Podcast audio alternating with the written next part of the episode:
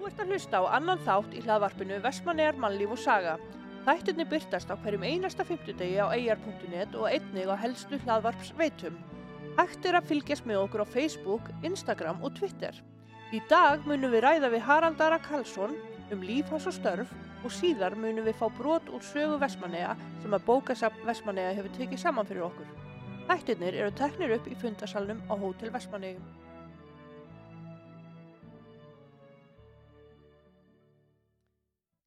Sæll og blessaður Haraldur Ari Karlsson Já, sæl og blessuð almar. og velkomin.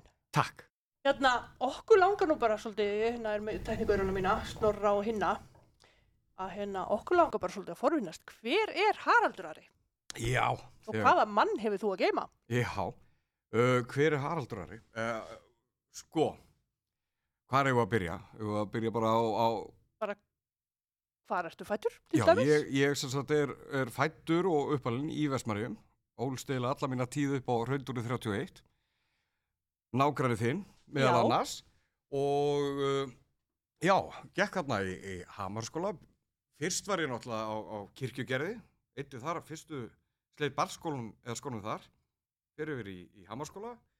Klára það og já, svo fór ég bara í framhaldsskóla hérna í eigum, hætti þar, flysti í Danmörkur, uh, kom heim, flutti aðeins aftur hingað, flutti sér inn í bæin og var þar í sex ár og svo flutti ég aftur til eiga, eitti þar uh, örglega góðum nokkrum árum, á ennþá húsi hérna en bý núna í Reykjavík.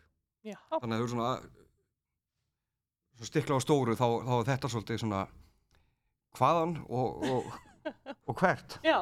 Og hvað varst að gera í Dámörku? Herru, í Danmörku var ég að læra grafíska hönnun Mm? og hérna í skóla sem heitir den danski, nei, den skandinaviski design high school Já, sem var við brúskóðs og aðeins 5 og 20. já, ertu svolítið góður í dönsku? Næ, var það. Það er náttúrulega orðin alveg 12 ára eða hvað sem ég flutti heim. Mm.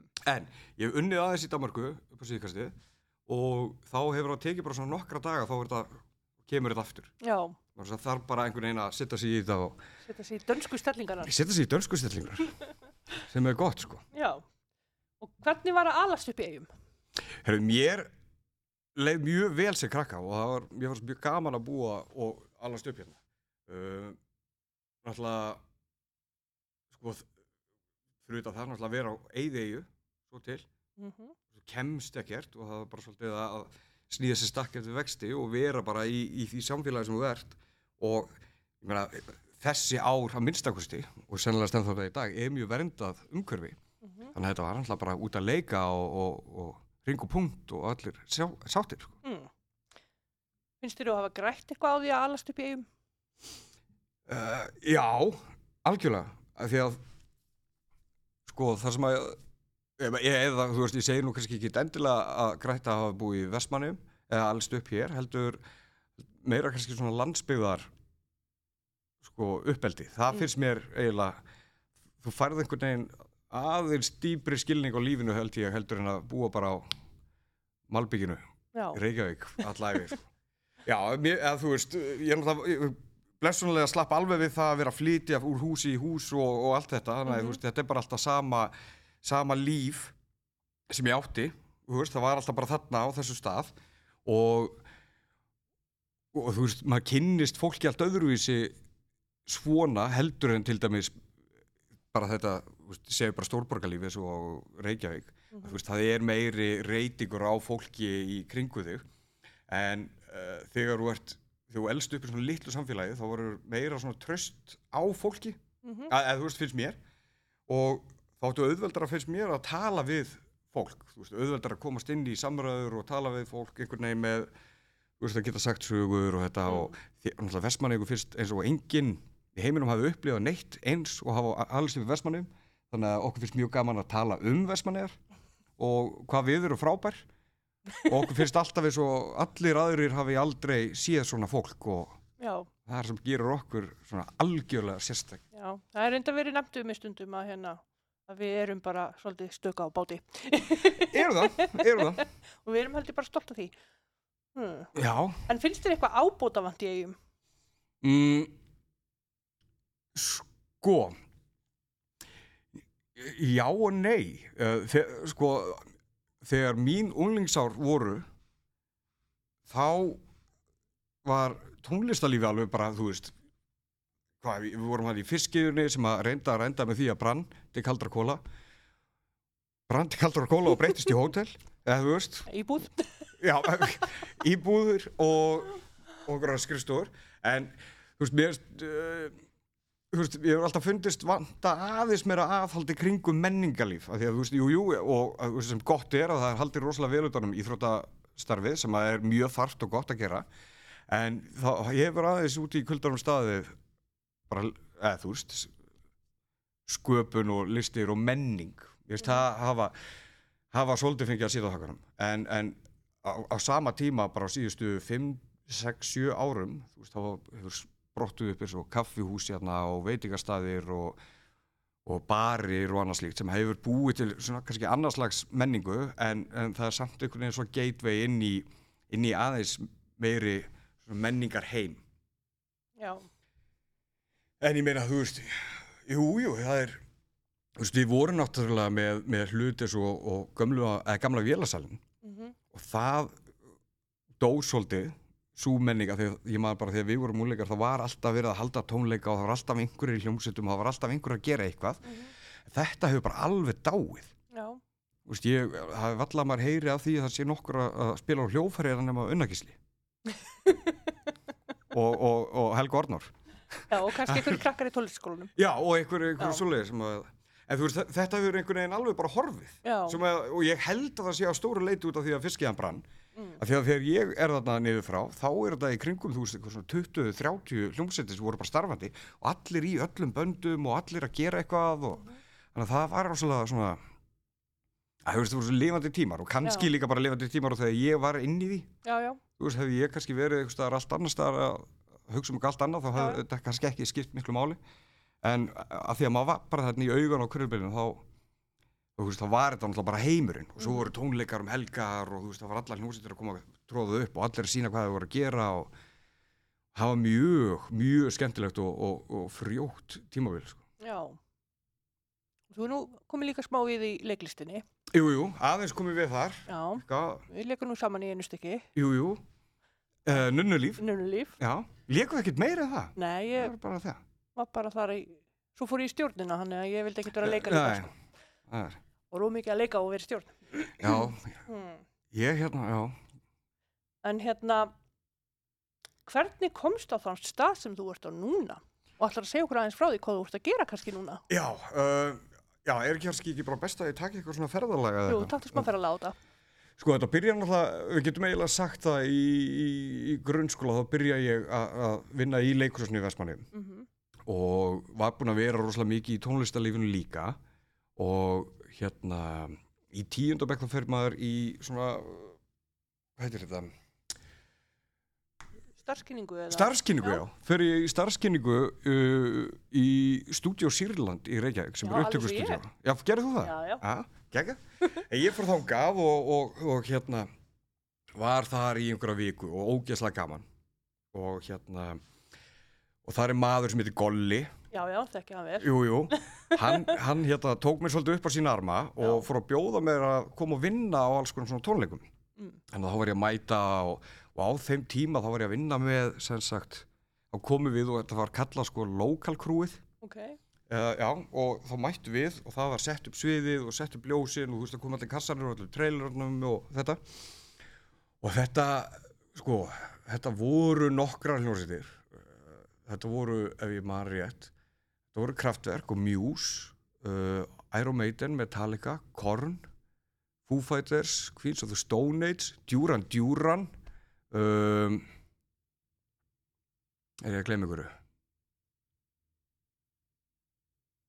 Jú, þetta var eitthvað, já, þetta var eitthvað, eitthvað svona og hérna, og þetta gerði ég á, á þetta var náttúrulega einhver, hvort þetta er árið 2004 eða eitthvað, það sem var bara eitthvað svona sprengja í erlendum tónlistamennum Mhm. á Íslandi.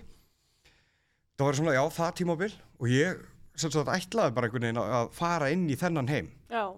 en kem síðan hingað heim og ákveð einhvern veginn að, að halda áfram í leikúrsinu er rosa mikið þar og er að leika rosa mikið og þá allt í hennu snýrist eitthvað, hörstum á mér og ég bara, herru nei, ég ætla bara að segja nei við þetta allt saman og ég ætla að fara til Danmörkur í nám. Og fór út og lærði þarna grafíska hönnun. Og þar lærði maður rosalega mikið sem sagt um, já bæði ljósmyndun var, var rosalega mikið í því og það var allt á filmu og maður var að framkalla og gera það allt og svo var alltaf myndlist og, og allt sem að í, fylgir þessum kúltúr Mhm. og varð, já, og- svona eiginlega hjálpaður svona til að, að svona að stækka sjóndildarhingin yfir hvað allt er. Svo þegar það ná mig búið þá kem ég aftur hingað heim og einhvern veginn finn mig aftur í leikursinu sem að er hérna sem að mér eiginlega eða kom mér eiginlega svolítið óvart. Og svo hérna já og kem heim. Það var rómatist að heyra svona held í glas heyra kannski svona.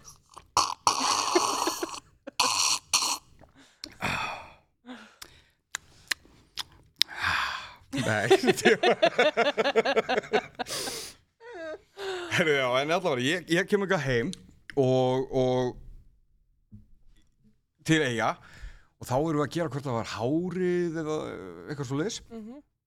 og þá einhvern veginn fattaði bara að þú veist, þetta var svolítið það sem mér langaði að gera þá var ég búinn að prófa hitt og búinn að einhvern veginn, þú veist, sjá það og finna fyrir því og, og svona fatta hvernig það allt virkaði. Mhm. og, og ákvað að, að sem sagt, ég leitaði að, að því ég hafði heyrt nokkra leikar á Íslandi tala um einhvern ákveðin kennara Já, sem heiti Kári Haldur ok. og ég fór að leita, er hann að kenna? Já, já, já, hann var hann í listaháskólanum en færði sig yfir í kvikmyndaskólan Já, ok. og ég bara, já, ég verð að læra á þessu manni. Þannig að ég fer í það nám. Já, og það er í kvikmyndaskólan og er þar í tvö ár og sagt uh, það er rosa gefandi nám. Og var þar á leiklistabraut þó að það hefði kannski ekki endilega verið það að ég ætlaði að fara að vera einhver leikari í framtíðin var bara þetta nám að mínum að þið sterkast að vildi þeirra og, og við lærðum gríðalega mikið og ekki bara um leiklist heldur það var um kvikmyndagerð og allt frá því að klippa, kvikmyndataka, hljóð og lýsing og handritaskrif og leikstjórn og framleiðsla og þannig að við fengum svona snert á öllu. Já, en á sama tíma þú ert að læra á, á þetta listform sem er leiklist og hvernig á að, að nálgast það og endar eiginlega á því að ég er að fara að gera útskriftaverkefni og ég var alveg blank bara ég vissi ekkert hvað ég átti að gera. Og bara, bara að hugsa þetta fram og tilbaka og, og, og unni fullt af verkefnum og samliða og mér fannst einhvern veginn ég verða að fara út, í, mig- eh, út úr þessu með pompi og prakt. Og svo allt í hennu bara svona fæ ég þessa hugmynd, bara herðu, já ég vil það er góð hugmynd, bara klárum með hennar skóla svolítið á dramatísku nótum og ég hérna geri bara stuttmynd um hvernig fimm ára barn upplifar uh, föður missin já, og sem að er hérna þessi stuttmynd sem ég geri 2010 sem að er breki já, sem fjallar sem sagt um það hvernig ég sem fimm ára barn upplifa það hvernig pappit er einmitt. og Virkilega falleg mynd. Já, það ekki að fyrir það. Og hún, hún er eiginlega þess eðlis að, að hérna, hún var bara miklu, miklu, miklu stærri en allar hinamyndir að sá að vera að gera. Já, Og ég þurfti að fara á einhvern svona fund með skólastjóranum og eitthvað svona vesen að, að þetta, svona, eh, þetta er hægt að vera skólaverkefni og orðið svona fagverkefni. já, Þannig að ég geti ekki sóst eftir, sem það heiti Bjarkin já, og það er, er Böðvarinn, það er verðlun sem að maður fær sem besta mynd eða Já, eitthvað svolítið í kvikmyndaskólum af því að það var svo mikið fagfólki sem vann að myndinni að þá, þá hefði ég mist þann rétt. Já, og á sama tíma sagði ég þá við þau að þá hefði þau mist þann rétt að nota þessa mynd í auglýsingaskinni já, sem að ég veit ekki, ég veit ekki hver vann þessa, þessa raugraður en, en það, jú, það fór sem fór og, og svo hérna og já, í þeir, svo fer, fara allar þessar myndir hérna fyrir einhverju dómnefnd og einn af þeim mönnum sem er í þeim, þeirri dómnefnd er Baltasar Kormagur Mhm. og ég fæla bara símtal frá honum stuttu eftir að myndir er fyrir sínd ok, og hann ringir í mig og segir bara, herru, ég vil vinna með þér af því að ég er að fara að gera mynd í Vestmanneigum Mm. Og þú veist, tengslanet eða Já, hvað já. það er, þú veist og bara fannst vinna mín á gætt og hérna samlega því, náttúrulega báturinn í djúpun heitir líka breki Já, sem já. að hmm. Hmm. þannig að já, allavega allavega er ég farin að vinna þarna í þessari, í þessari mynd og, og á sama tíma var leikfélagi búið að hafa samband um að leikstýra þarna 100 ára ammælisýningu leikfélagsins Mhm. Og þannig að ég kláraði aldrei myndina, tók bara hennar Vestmanneja part og svo fór, fór ég bara beint yfir í leikhúsið Já. og þá settum við upp Lion King sem var og hétt Mhm. ég held að það hefði verið svona helviti stór biti fyrir leikfélag en, en, en stórst held ég alveg undir sínu það ekki Uh, ég bara var að, þá var ég í frí í stjórninni. þá varstu var frí í ég- Þá var ég komin í stjórn skátana. réttur tíma að taka frí Já, já, hann ég tók mig frí. Já, og eftir það, þú veist fór ég bara, eða þú veist þetta var eiginlega bara þannig að þetta byrjaði síminn bara að ringja og svo ringdar og ringdar og ringdar og hefur ekkert hægt að ringja Ok. og það líði ekki nema á tvö ár þá er ég bara farin að starfa sem aðstóðleiksturi Ok. og starfa ennþá sem slíkur í dag Mm. og með vorum eitthvað að reyna að taka þetta saman á daginn og þetta eru yfir 270 verkefni sem komin eru sem, aðstofalegstur Já, það er vel gert. það er ágætt sko. Já, og það er allt frá, þú veist, bara lítið tónlistaminnbönd, auglýsingar uh, bíómyndir, sjónvarþættir Já, og eitthvað svona listræn verkefni með einhverjum mönnum sem eru mjög undarleg og, og er búin að upplifa allan fjandan í þessu. Já, já. oftar en, þú veist, farið oftar hringin í kringum Ísland og séð öll krummaskuð á landinu og, og einu sinni hef ég þurft að taka þyrlu í vinnuna á mótnana og þá bara farið í þyrlu til að keira í vinnuna já, það er mjög spes já, það ekki. jú, jú, jú, og já, og inn í þessu náttúrulega hef, ég verið að fara erlendis líka og vinna og, og þetta er bara svona Mm. maður er bara, já, þetta er, þetta er, veist, þetta er vinna og, og, veist, titillin á vinnunni er kannski mjög villandi af því að þú veist, það heitir að vera aðstóða leikstjóri, það er, það er ekki, þú veist, aðstóða maður leikstjóra eða eitthvað nei. heldur er þetta, sagt, það er eiginlega að taka starf leikstjóra og, og taka það í tvent, það er skipulag og svo og listræn, sem sagt, list, já, Já. bara listsköpun, eða, eða, eða svona, svona að vera listræn konsúl, já, já, það myndi ég að segja að vera kannski, og svo ertu með uh, skipuleggjaran. já, Þannig að ef, að, ef að við tökum allan, alla fagufræðin af þessu þá heitir þetta örglega að vera verkstjóri. Já, og þú veist þá bara fæ ég handrit og ég brýt það niður í senur, þú veist allar senur sem gerast heima á Guðrúnu þær fara að hinga á þessa tvo daga og svo byrjum við bara daginn og svo endum við á kvöldsenum því þá er kvöld og þú veist, svo þarf að raða og svo eru vesen á leikurum, þessi er leikur sem er þennan daginn og við getum ekki verið í þessu húsi þennan dag og svo þarf þetta að raða þessu öllu saman. Mhm. svo lætur þetta frá þau, bara svona getum við gert þessa mynd. Já, og svo þarf ég að framfylgja því plani sem að ég bjóð til. Já. og já veist, ég þarf Hvernig alltaf- gengur það? það gengur bara vel. Veist, þetta er bara eh, þetta kemst rosalega í, í svona vana þú þú byrjar á því náttúrulega að, að búa, þetta er bara púsl. Já, já, og, og þú byrjar með fullt af bitum og svo bara byrjar maður á því að gera kassan í kring. Já, og svo ferð að finna alla, þú veist öll Gulu mið- andlitin já. eða þú veist allt þetta. Og svo bara byrjar að raða og svo kom ykkur á upplýsingar, herru þessi getur ekki verið þennan dag, nú fokk, herru þá þurfum við að færa þetta og þannig að þú veist, þetta, þetta er bara svona stórt púsl, og Og gengur oftast upp. gengur oftast upp og, og, og en, en sko, svo er það náttúrulega líka að þetta er algjörlega huglægt starf. Já, því að nú ætlum við kannski að fara að gera eina senu og hún veist, á blaði lítur út fyrir að vera ekkert mikið vesen mhm, en svo kemur kannski eitthvað allt annað í ljós eða eitthvað bílar eða eitthvað gerist eða við þurfum að gera, hún er kannski upp á fjórðu hæð og það er engin lifta eða kannski segi ég þetta tekið tvo og halva tíma. Mm. kemur í ljós, þetta tekur fimm. Eða eitthvað svoleiðis. Þannig að þú veist þú getur aldrei verið 100% bara þetta tekur nei, þennan tíma. Og, og stundum eru settar einhverja hvaðir á okkur eins og verðum að vera farin út klukkan tvö eða, mhm, þannig að það er alltaf reynd að vinna þetta. En veist, með, með reynslunni þá verður þetta alltaf auðveldar og auðveldar og maður svona auðveldar að sjá hvað gæti fyrir útskeiðis mhm, og já og þá hérna og þá einhvern veginn, já, gengur þetta oftast nær upp. Mm. Og auðvitað þú veist þá var náttúrulega ráðfærum að sé við alla já, líka þannig að þetta er, þetta er náttúrulega fyrst og fremst samstarfsverkefni margra þáttar sko. já. Og finnst þetta skemmtileg vinna?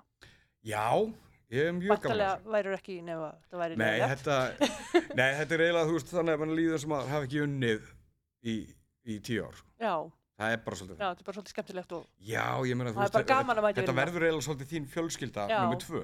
já, Því að þú ert með kannski eins og núna bara í sumar var ég sjö vikur á þingeri já, og það, náttúrulega í, í miðju COVID, Mhm. það var allt bara lokað já, já, og ég var bara með einhverjum belgum og íslendingum og við vorum bara með hótel sem bara við vorum inn á Mm. og engir staðir, veist, það er ekkit þannig í Já, kring já. og við erum alltaf bara að vinna þegar allt er opið svo bara komum við heim eftir tökudag og þá er bara lokað og læst skilur þannig að eina sem þú hefur utan vinnu er fólki í vinnunni þannig að hægt og rólega þá myndar hún alltaf vinasambönd og, og, og svona einhverju fjölskyldu Já, já.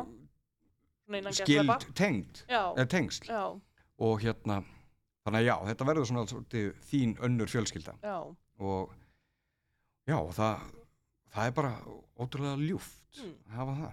En hvað myndur þú hérna segja við þann sem hefur áhuga á að vinna við þetta sem þú ert að vinna við? Hvernig á maður að bera sig að og, og byrja? Ég held að auðvöldasta leiðin til að útskýra það bara, veist, að, að sím, eh, ekki sita við síman og býða eftir að hann ringi. Ok, Það veit enginn að þið langi í þessari vinnu Mhm. og, og það eru, eru pottið 20 aðrir sem eru að býða líka. já, Þannig að þú verður eiginlega að fara bara svolítið að sækja já. Þannig að ert bara, já, svolítið góðan gett bara. Þetta, já, þetta, það er bara svolítið þannig. Já, bara ringja í Baltasar og bara sækilagi. eh, kannski ekki alveg. kannski ekki alveg.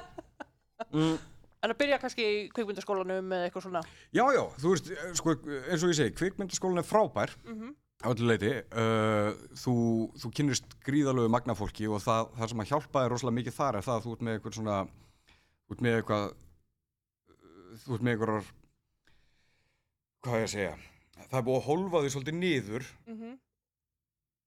Sem er ekki rétt á orðið samt yfir það en það, það er búið að setja því svolítið í skorður þú verður að klára hluti það er eitthvað, þú veist, deadlines þú verður bara að klára þetta og verkefni eftir verkefni eftir verkefni og svo eru samstagsverkefni með alls konar fólki og þú lærir alls konar stöður og, og þú veist, ferða að virða kannski það frekar að veist, þetta er svona og svona er hitt og bla bla bla en, en þú veist fólk hefur samt alveg komist áfram án þess að fara í hennar skóla Já, ok. þannig að þú veist, það er ekkit það er engin dauðadómur þó þú farir ekkit í, í hann. Nei. Stund- þetta er eiginlega bara að fara og sækja vinnu og bara já, já, sjá já, hvað gerist. veist, ég er nú að Svolítið. vinna með einu sem að er flugvirki Ok, og, og sem er frábær strákur og hann langaði bara að prófa eitthvað nýtt. Þannig að hann prófaði bara að sækja um já, og hann er svolítið svona eins og hérna hljómbársleikarinn í Ramstein hefur aldrei viðurkend að vera í hljómsveitinni. Hann hefur aldrei viðurkend að vinni í kvikmyndabrassan já, samt er hann alltaf í, í verkefnum. Já, þannig að, þú veist það, og svo er þetta bara fólk sem að fólk kann að meta helst lengur inni.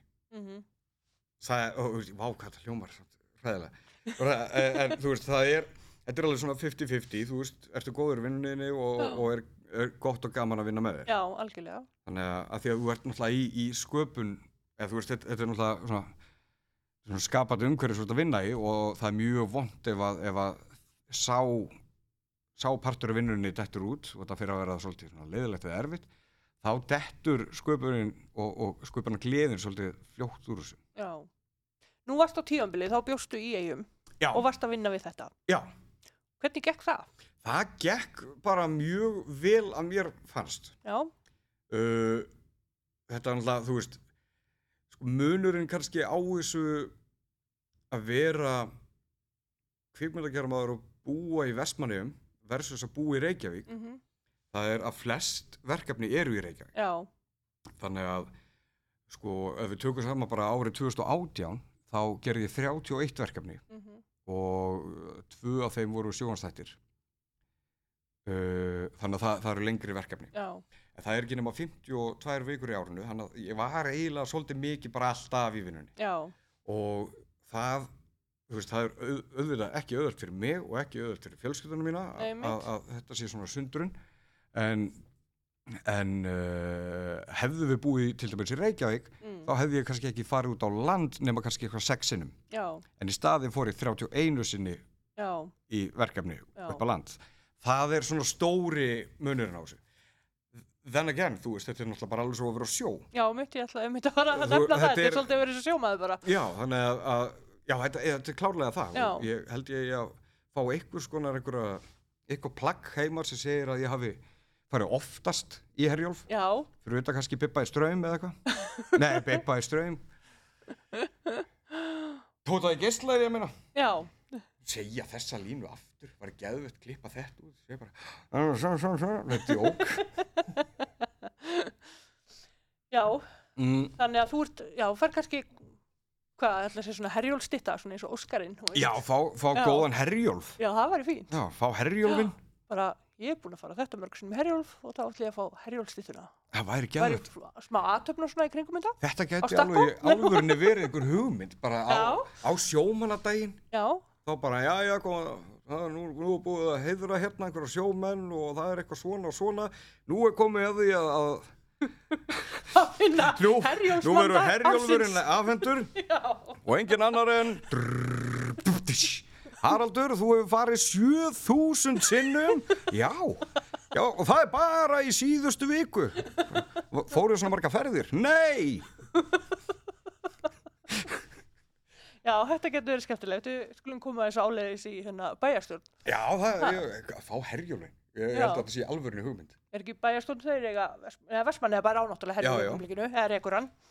En já, þannig að það er bara nóg að gera það þér. já, já, Og já hvað er framundan? Herðu, framundan er bara áframhaldandi vinna Já. og, og uh, mörg járn í eldinum. Uh, ég er núna eins og, ak akkurat núna er ég að klára uh, svo kallar treatment eða svona uh, skimurit yfir uh, mína eigin bíómynd sem að mér langar að fara að framlega. Mm, Gæti tekið, þú veist, örgulega hátt í fimm ára að koma því á laggirnar já, en, en er að vinna í því. ef þið En, vantar leikonu, þá er, já, já, er já. til. Nei.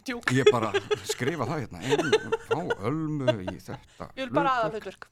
Bara að hlutverk Nú er að skrifa myndina Já. í kringum mig. Nei, tjók. Úps Hvað segir hún? Nei, Ekkert stress.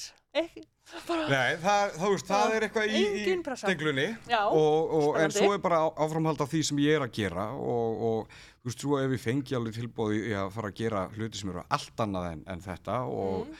en þú veist, ég veit ekki alveg hverju stend með það og og ólíklegt að ég endilega taki það því að þú veist, það er bara, það er alveg nóg að gera hjá mér í þessu og, og það er bara fínt já, veist, ég, ég kann þetta og þetta er, þetta er, þetta er gaman. Um að gera að hafa svo leis. já, já, En hérna, sér þið því í framtíðinu flytja aftur til eiga.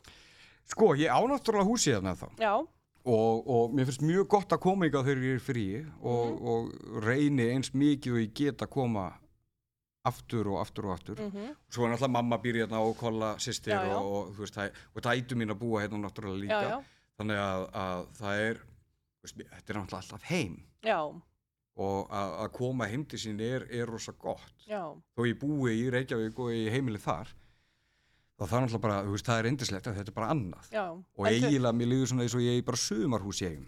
Hvort ég flýti endalega afturinga, ég veit það ekki. Nei. en, en Nú Þú veist, ekki ég- farin að sjá þig sem gamalmenni og með göngugrind og búa í nei, eigum. ég er ekki alveg eða, þú veist, jú, auðvitað væri það frábært en, en svo, svo er það líka bara þannig að mér finnst þingkoltin bara svolítið indisleg Já, og mér finnst mjög gott að hugsa til þess að búa þar líka já. Þannig að þetta er bara ljúft líf, alveg sama hvernig á það er lítið. það er bara svolítið þannig Já, mér alltaf líður ekki illa og, nei, það er náttúrulega fyrir mestu. já, Nú ætla ég að spyrja þér svona loka spurningu. já Hvað er staðista prakkarastíki sem þú hefur framið? Já, já þegar stórt er spurt. Um, ætli ég verði ekki að segja þegar ég setti laxirolju í pönnukökudegið í áttutabæk í madrislu. Það var sko, já, þá fekk ég viðnefnið Halli Laxir eða Herra Laxir í, í svona gott ár. Og það sem sagt var þannig að, að, að byrjar á því að ég, uh, hún unnur, madrislu kennari, frábær kona. Uh, og ég, ég ákvað að það væri rosalega gott að gera þarna smá grín og fyrir upp í apotek lappa þar inn alveg einn. Það var enginn með mér í þessu. Og segi já, góðan daginn, heyrðu, vinnu mín á afmæli. Já, allar að kaupa smokka? Nei, ég ætla, ætla nú ekki að gera það. Ég ætla að vera bara svolítið fyndi núna. Og hérna ég ætla að fá laxurli. Já, það er fyndið segir hún. Og ekkert máli, ég minnir að ég hef borgað einhverja 600 krónur þannig fyrir þetta. Fæ bara svona litla svona, skeggóljur eru í þessu í dag svoleiðis krukku af, af, af eð, já, glas af, af laxirulju Mhm. svo bara, já, kannski meira svona og norski brjóstrópar eða hóstasaft Já, Já, þetta er svona- já. það er örgla svo stærð sem þetta var Brúnuglösin. Já, emmitt. Og ég, sem sagt, uh, já, fæ þarna uh, þessa laxirolíu, setja hana bara í vasan og svo fer ég bara heim. Ótrúlega spenntur fyrir morgundeginum. Þegar morgun er matrisla. Svo mæti ég bara í skólan og ég læti engan vita, bara þarna, einn með sjálfum í einhverjum hugsunum og, og Og væntalega deyja úr spenning. væntanlega að deyja á spenningi, já. Eiginlega hugsaði ekki með neitt annað. En Já. sennilega var ég mjög stiltur allan daginn út af því ég var svo spenntur. Gæti verið. En svo kemur, sem sagt, þetta er fyrsti tími eftir háti og svo voru við að fara í, já, allan, og ég byrjaði bara þar. Svo mætu við í maturslu og viti menn, Unnur, hún talar þarna í góða 45 mínútur og, og allt er að gerast. Ég að tapa mér úr spenningi. Kemur þá ekki í ljós að í dag ætlum við að gera pönnukökur. Og ég sá mér nú leik á borði, gátt nú aldeilis unni með það. Þannig að það, það byrjar svona nokkrar stöðvar og ég var þarna settur og ég búið til pönnukökur. Og ég les uppskriftina og það er þetta og það er hitt og svo eru ykkur kardimómudrópar. Og ég held ekki, í staði fyrir kardimómudróparna, þá setum við bara Já, og ég setti bara vel og mikið af laxirölu í, í, í pönnukökur. Svo bara hrærði ég þetta vel og, og svo fór ég að búið til pönnukökur. Mm. þá það það upp fyrir mér. Fokk, ég verður skammaður fyrir þetta. Ég verð pott þétt skammaður fyrir þetta þannig að ég ákvað að gera það sem að góður góður prakkari gerir ég tók þátt í reknum Þannig að ég lappaði með fullt af pönnukökum til unnar og bauði henni að smakka eina. Hún fekk sem er sigri, aldrei smakkaði henni góða pönnukökur. Þannig að ég varð að smakka. já, Þannig kemst maður upp með rekkin, sko, ef þú tekur þátt í honum og skamma minna, já, ö- örlítið. örlítið minna. Uh, og svo er bara borið á borð og allir borða pönnukökur, ég og unnur og allir hinnir í bekknum. Laxir og lög pönnukökurnar og, og svo er bara tíminn búinn og allir bara þú aldrei smakkaði skoða pönnukökur það er þá eitthvað í uh, laxirúlinu sem gera þar ekstra góðar. Já, kannski að það, lætur okkur hafa já, uppskriftina eftir. já það, þetta er bara dass af laxirúlu í staðan fyrir kardamóndrópa og hérna og svo er tíminn búinn og allir eru hressir. Þá kemur að því að það er uh, líffræðipróf. Og eins og gengur að gerist í prófum þá er alltaf mikil þögn Mhm. allir setja því þetta einir á borði enginn að færa sig eitthvað mikið og enginn má fara á klósitið og ekkert svoleiðis. Og svo aftast á bekknum heyrist allt í hennu og allir byrja svona að horfa í kringu sig. Hvað er það? Að fólk fyrir að svona leita af hvaðan hljóði getur komið. Þá er eitt sem situr þarna aftast. Og þá er þetta einhver garnagöl það er eitthvað mikið fyrir að gerast svo kemur þessi svakalega sprengja og einstaklingurinn bara hleypur fram. Og ég spring úr hlátri gat náttúrulega ekki setja á mér og ég bara segi ég setti laxirólí í pönnukukudegið Hjælt að allir myndu springa úr hlátri en þá hafði náttúrulega allur bekkur verið að borða þessa laxirólíu pönnukukur og það var bara svona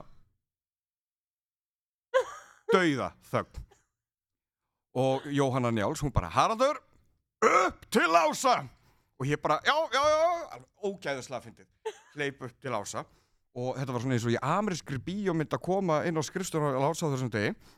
Að þá stóð Lási svona við gluggan og snýri baki mig þegar ég kom inn. Og ég svona lokaði hurunni blessaður Lási. Svo heyri ég bara í Lása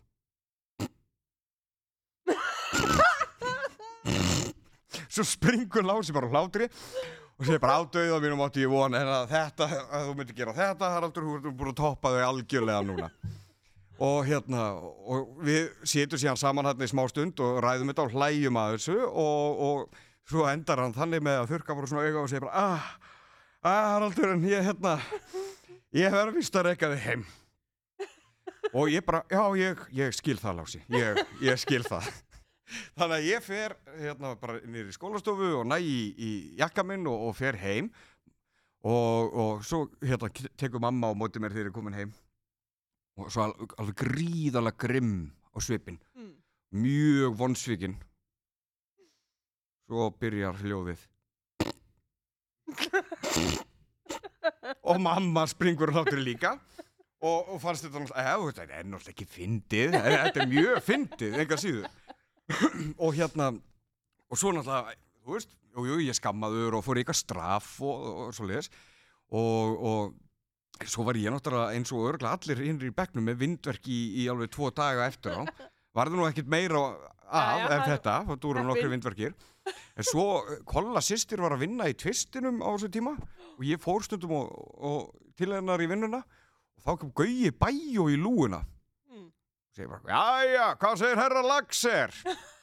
Og það kemur viðnefnið þannig að það var engum illa meint af. Já, og, og, en ég held að þetta sé svona það er engin mest, mist neitt í brækurnar. við tennum sögum að því sko. En þetta já, ég held að þetta sé svona allavega skipulaðasti rekkurinn Já, bara takk kærlega fyrir að koma til okkar. bara ekki máli Gaman að spjalla við þig og gaman, að vera gaman að fylgjast með þér í framtíðinni. Já, ég býð, ég býð spennt í síman. Herðu, já, Annars ringi ég hverju viku og það tökum við aðluturskið. Nei, grín. Já, var einmitt eitthvað að pælja að að skiptum nú Já, setja hann að blokka á þig. Og... Herru, Haraldur Ari, þakka þér kærlega fyrir að koma Takk sumuleiðis og bara sjáumst vonandi fljóðlega. Herru, gerum það fáum við að heyra viðtal sem að fremyningarnir úr stjórn Vestmanneja félagsins heimaklættur tóku við hjónin Magnús Guðmundsson og Jórunni Hannesdóttur frá Vesturhúsum á árunum 1953 til 1954.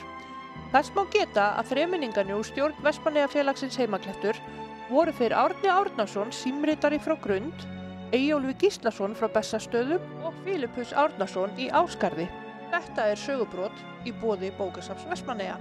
Hægt er að afla sér nánari upplýsingar um fyrrnæmt fólk á heimaslóð.is. Komið þið sæl. Við erum stættir hér uppi á Vesturhúsum, þrýr úr stjórn Vestmanninga félagsins heimaklettur, til þess að eiga að tala við þau Vesturhúsa hjónin. Komdu nú sæl Magnús. Sællastu. Hvar ert þú fættur og uh, hverra manna voru fóröldra þínir? Voru þau uh, flutti hingað, aðflutt hingað? Ég, eh, eins og þú veist, heiti Magnús Guðmundsson og eh, er fættur 27. júni 1872. Foreldrar mínir voru Guðrún Guð, Erlendsdóttir og Guðmundur Þórarinsson. Þau voru bæði aðflutt hingað úr Rangavallarsíslu. Ó já, og þú varst einn af þessum frægu veiðimönnum eigana, bæði á sjó og í fjöllum. Mitt aðal, aðal lífsstarf var að á þeim vettvangi. Já, þú byrjaði snemma formensku var það ekki? Nú. Já, það, það, það mun hafa verið 1890 sem ég byrjaði með sexæringin Hannibal. Þá var ég 18 ára. Já, einmitt já. En hvað er þín einn að minni stæðast frá eh, fyrstu formensku árunum þínum eh, fyrir eh, aldamótin? Ég held mér sé einna minni stæðastur fyrsti línuróðurinn sem við vorum með, fórum með þorskalóð. Ég var þá formaður með áttaringin Ingolf enda álít ég að sá róður hafi skapað tímamót í fyrsti veiðarsögu eigana. Ég hef og hefi ég skrifað um þann róður í mánaðarréti ægir 11. til 12. tölublaði 1943.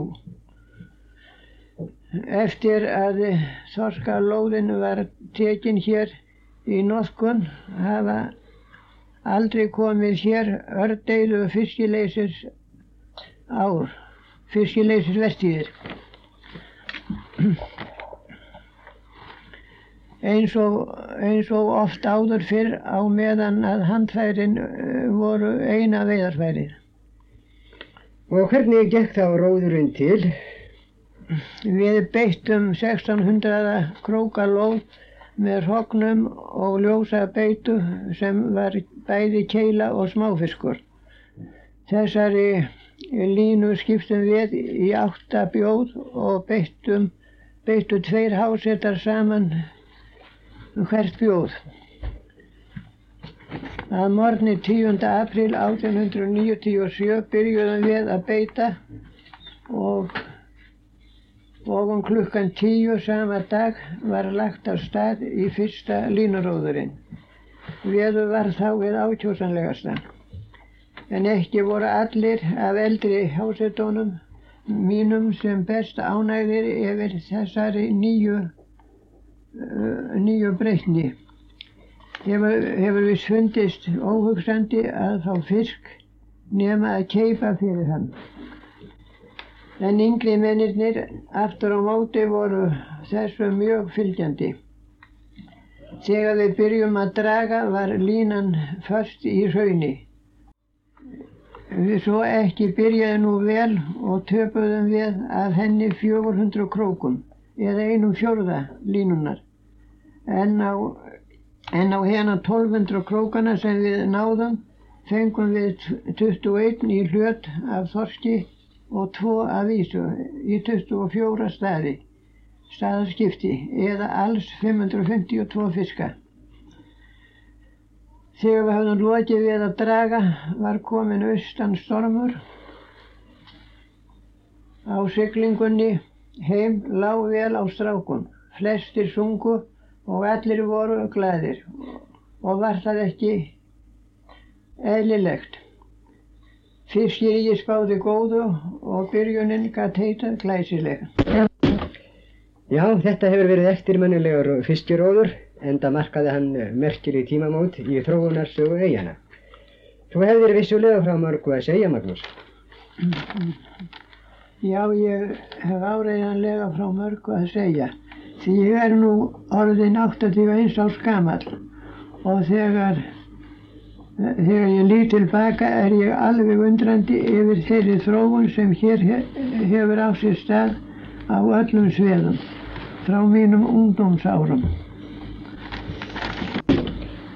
Já, ég þakka þér nú fyrir þessar góður upplýsingar, Magnús, en nú ætla ég að hilsa upp á konuna þína allra snöggvast.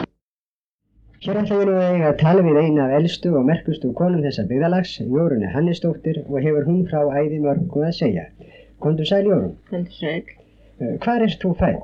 Ég er fætt í Nýja Kastala 30. september 1879 og átti heima þar átti, þar, já, átti heima þar hjá foreldrum mínum og fjöður ömmu til 8 ára aldurs. En þá fluttistum við að meðsum. Fæður minn Hannes Jónsson Lóðs var fættur í Nýja Kastala en móður minn Margrit Brynjólfsdóttir var fætt og uppalinn í Norðgarði. Segðu okkur eitthvað frá þínum uppvæstar árum. Þá hafa víst börn og úlingar verið látinni snemma að byrja að vinna, var það ekki? Já, ekki vantaði það. Snemma var maður látin fara að vinna og hjálpa til bæði utan hús og innan. Ekki var ég nema 12 ára gömur þegar ég var látin fara að kalla hásetan á getjón með pappa og þá voru hvorki lagði vegi hér njög götuljós til að fara eftir. Ég kaust mér að kalla upp á bæi og þar á meðal að móhúsum sem voru, voru syðst í bærin í kirkjubæjatúninu. Ég var myrkvælin á þeim árum og hrættist að ganga vestu strandvegin með fram sjónum, þó aðalega Annisarviki, því það þurfti að kalla að sjólist, landlist og landakoti. En þetta tók Jóhannes bróðir að sér þó hann væri tveimur árum yngre en ég. Og okkur var og ekki var ég heldur gömur þegar ég var látum fara að ganga í sandin eins og það var kallað. Og hvaða störf voru unni þar? Við drófum fiskinn á það til gerum krókum, neðan úr klöppum og upp að fiskiklóm og gerðum þar að honum úti hlýða fata laust í hvernig veðri sem er. Segðu nú Jórun, hvað var það kallað uh, klappir? Það voru hrófin lækurinn, brúnkalla, Hafrúarklöpp, Stokkhella og fleiri staðir við flæðarmáli þar sem seilarnar voru dregnar á land og fiskun, fiskinu skipt. Þú sagðir að þið stúlkurnar hefðu verið hlýðarpattarlausar í fiskagerðinni. Já, svo myndi það kalla nú til dags. Annars höfðum við stregasvindur og háa prjónaða bandsmakka sem náði fyrir alboga og kúskinsku ofútunum. Jæja Jórn, ég þakka þér þessar góðu upplýsingar um æskulíð þitt og starfshætti eigana við sjávarstörfin á þeim tímum. Við kvæjum ykkur hjónin í þetta skipti og óskum ykkur allra heilla og blessunar í framtíðinni. Verið blessuð og sæl. Við, veriði blessaður og sælir og takk okkur öllum versmenningum allt gott fyrir hönd okkar hjónana.